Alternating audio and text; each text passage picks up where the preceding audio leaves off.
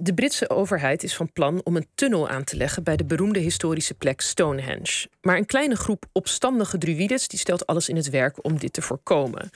Wij vroegen ons af wie zijn deze druides precies, die blijkbaar anno 2024 nog steeds een sterke band met het prehistorische Stonehenge voelen. En daarover is Christian van der Linden te gast, archeoloog. En hij leidde het veldwerk in Tiel, op de plek die ook wel het Stonehenge van Nederland wordt genoemd. Welkom. Hoi. Vertel, wat is, uh, wat is er aan de hand bij Stonehenge? Wat zijn ze precies van plan? Um, ja, het is eigenlijk de vierde versie van een wat ouder plan, wat al 30 jaar circuleert ongeveer, om uh, uh, een, een, een tweebaan snelweg langs Stonehenge te vervangen door een, door een tunnel. en daarbij een heel groot stuk snelweg van 12 kilometer ongeveer te vervangen voor vier, vierbaan snelweg. Om Londen met het zuidwesten te verbinden. Um, en daarbij snij je dus door uh, ja, UNESCO Werelderfgoed. Dus er waren al voor- en tegenstanders. En ja, dat is nu wat meer aangescherpt, omdat zich ook een religieuze groepering met de discussies gaan bemoeien. Ja, en, en nog eerst even om uh, ons uh, geheugen op te frissen. Als we het over Stonehenge hebben, waar hebben we het dan precies over? Want je denkt, je denkt ja, dat is, dat, dat is toch eigenlijk een vrij kleine plek met een paar enorme stenen die op elkaar gestapeld staan, om het oneerbiedig te zeggen. Ja, die steencirkels die zijn uh, wereldberoemd, maar het complex is veel groter. Het uh, beslaat ongeveer 60 vierkante kilometer. En dat is een gebied wat bezaaid is met allerlei tempels, uh, grafheuvels, hunebedachtige grafkamers. en dat is vanaf 4000 voor Christus ongeveer ontstaan en in de loop van 2500 jaar uitgebouwd. En, en, en tot op heden is het eigenlijk nog als een religieus centrum, heeft een aantrekkingskracht.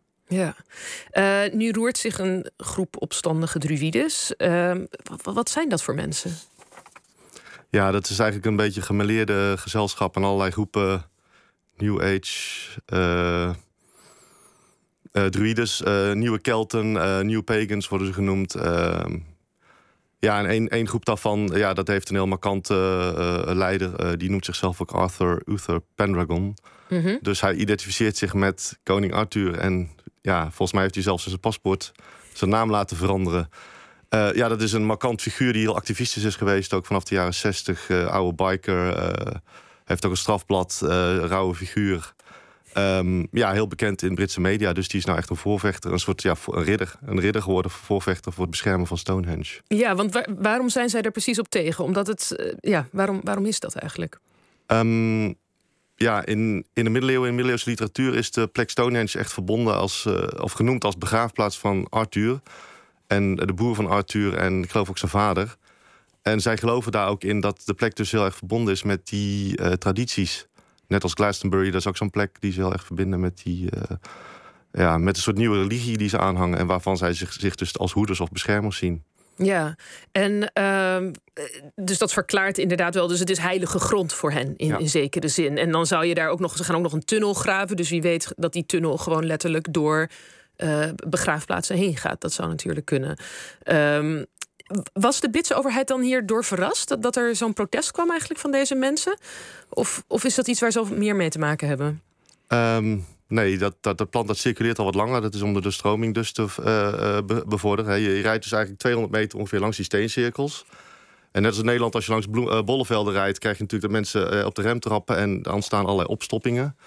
Um, dus dat plan is al wat ouder. Um, niet alleen voor om de doorstroming te bevorderen... maar mensen willen eigenlijk ook dat landschap weer terugbrengen zoals het was. Dus eigenlijk die snelweg buiten zicht uh, te brengen. Wat dat betreft klinkt positief. Ja, ja alleen het gaat inderdaad door oude begraafplaatsen heen. En uh, wat voor die uh, druides heel belangrijk is... dat is de functie van, van, van de astronomische, als astronomisch centrum... om allerlei zichtlijnen van de zon te beschermen. En um, um, ja, do doordat het door graven maak je die zichtlijnen eigenlijk stuk. En je graaft dus door hun, hun voorouders heen of hun heilige plaats. En dat, dat keuren ze af. Ja, maar nu zeg je, uh, je noemt ze ook al een beetje, wat zei je, neo-druides of iets dergelijks. Dus, dus het suggereert ook dat, dat dit, dit is niet één historische lijn vanaf de druides zoals ze er uh, waren. Ja, uit welke tijd stammen die eigenlijk? Ik ken ze alleen uit Asterix en Obelix, eerlijk gezegd. Is dat ongeveer de periode dat, dat we dat moeten plaatsen, dat dat begint? De druides uh, die stammen eigenlijk uit de ijzertijd. Ze zijn ja. wel verbonden met Keltische groepen. Keltische groepen, dat is een heel gemeleerd etnisch gezelschap... wat we eigenlijk alleen kennen uit schriftelijke bronnen... doordat Romeinen en Grieken erover schrijven. Uh, en dat begint ja, ongeveer om 8, 800 voor Christus. Alleen de meest bekende druides uh, zijn inderdaad uit de Asterix en Obelix contexten... uit de Romeinen. En die, uh, ja, die hebben destijds eigenlijk de druïden als een, als een machtsklasse, een religieuze klasse, eigenlijk uitgemoord. Om, ja, om, om invloed te versterken op, op hun veroverde gebieden. En in Engeland was dat wat standvastiger. Ierland was bijvoorbeeld een gebied dat wel contact had met de Romeinen, maar wat nooit als Romeinse provincie is ingenomen. Dus dat heeft een revival gehad in met name de vroege middeleeuwen.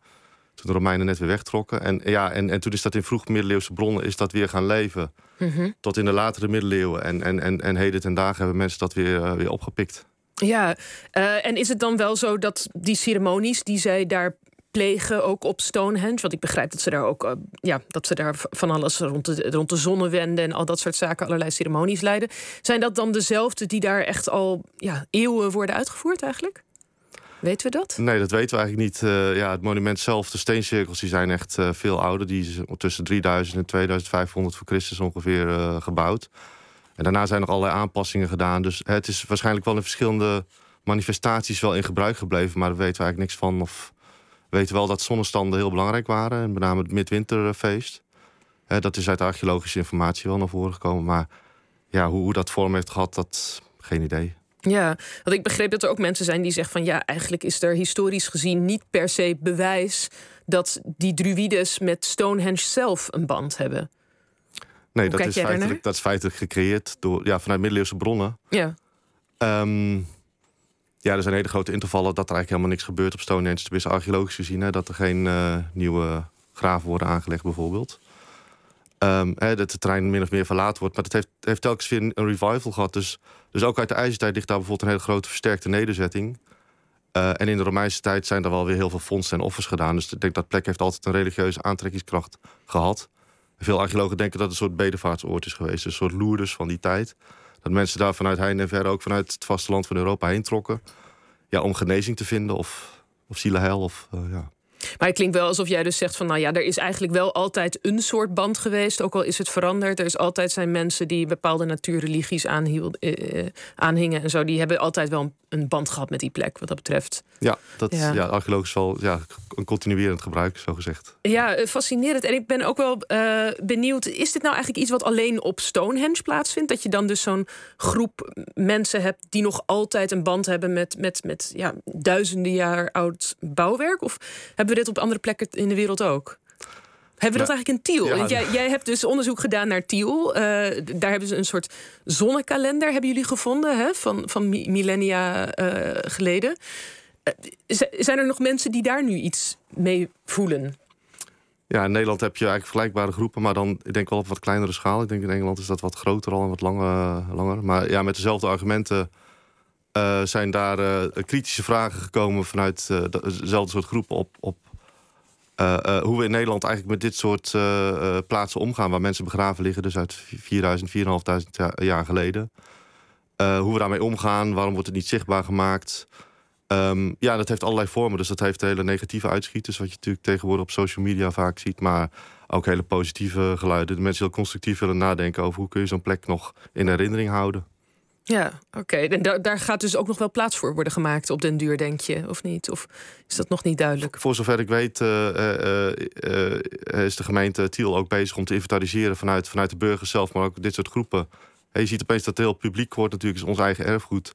Iedereen heeft daar een eigen opvatting over, dat dat, dat allemaal meegewogen wordt, maar wel vanuit de positieve drive om, om, ja, om, het, ja, om het zichtbaar te houden of de herinnering uh, uh, te houden. En dat kan ook in de museale context zijn, maar dat kan ook op de plek uh, zelf zijn. Het kan op een andere plek zijn, ja. Als de kennis maar gedeeld wordt, dat is een beetje de insteek van de gemeente.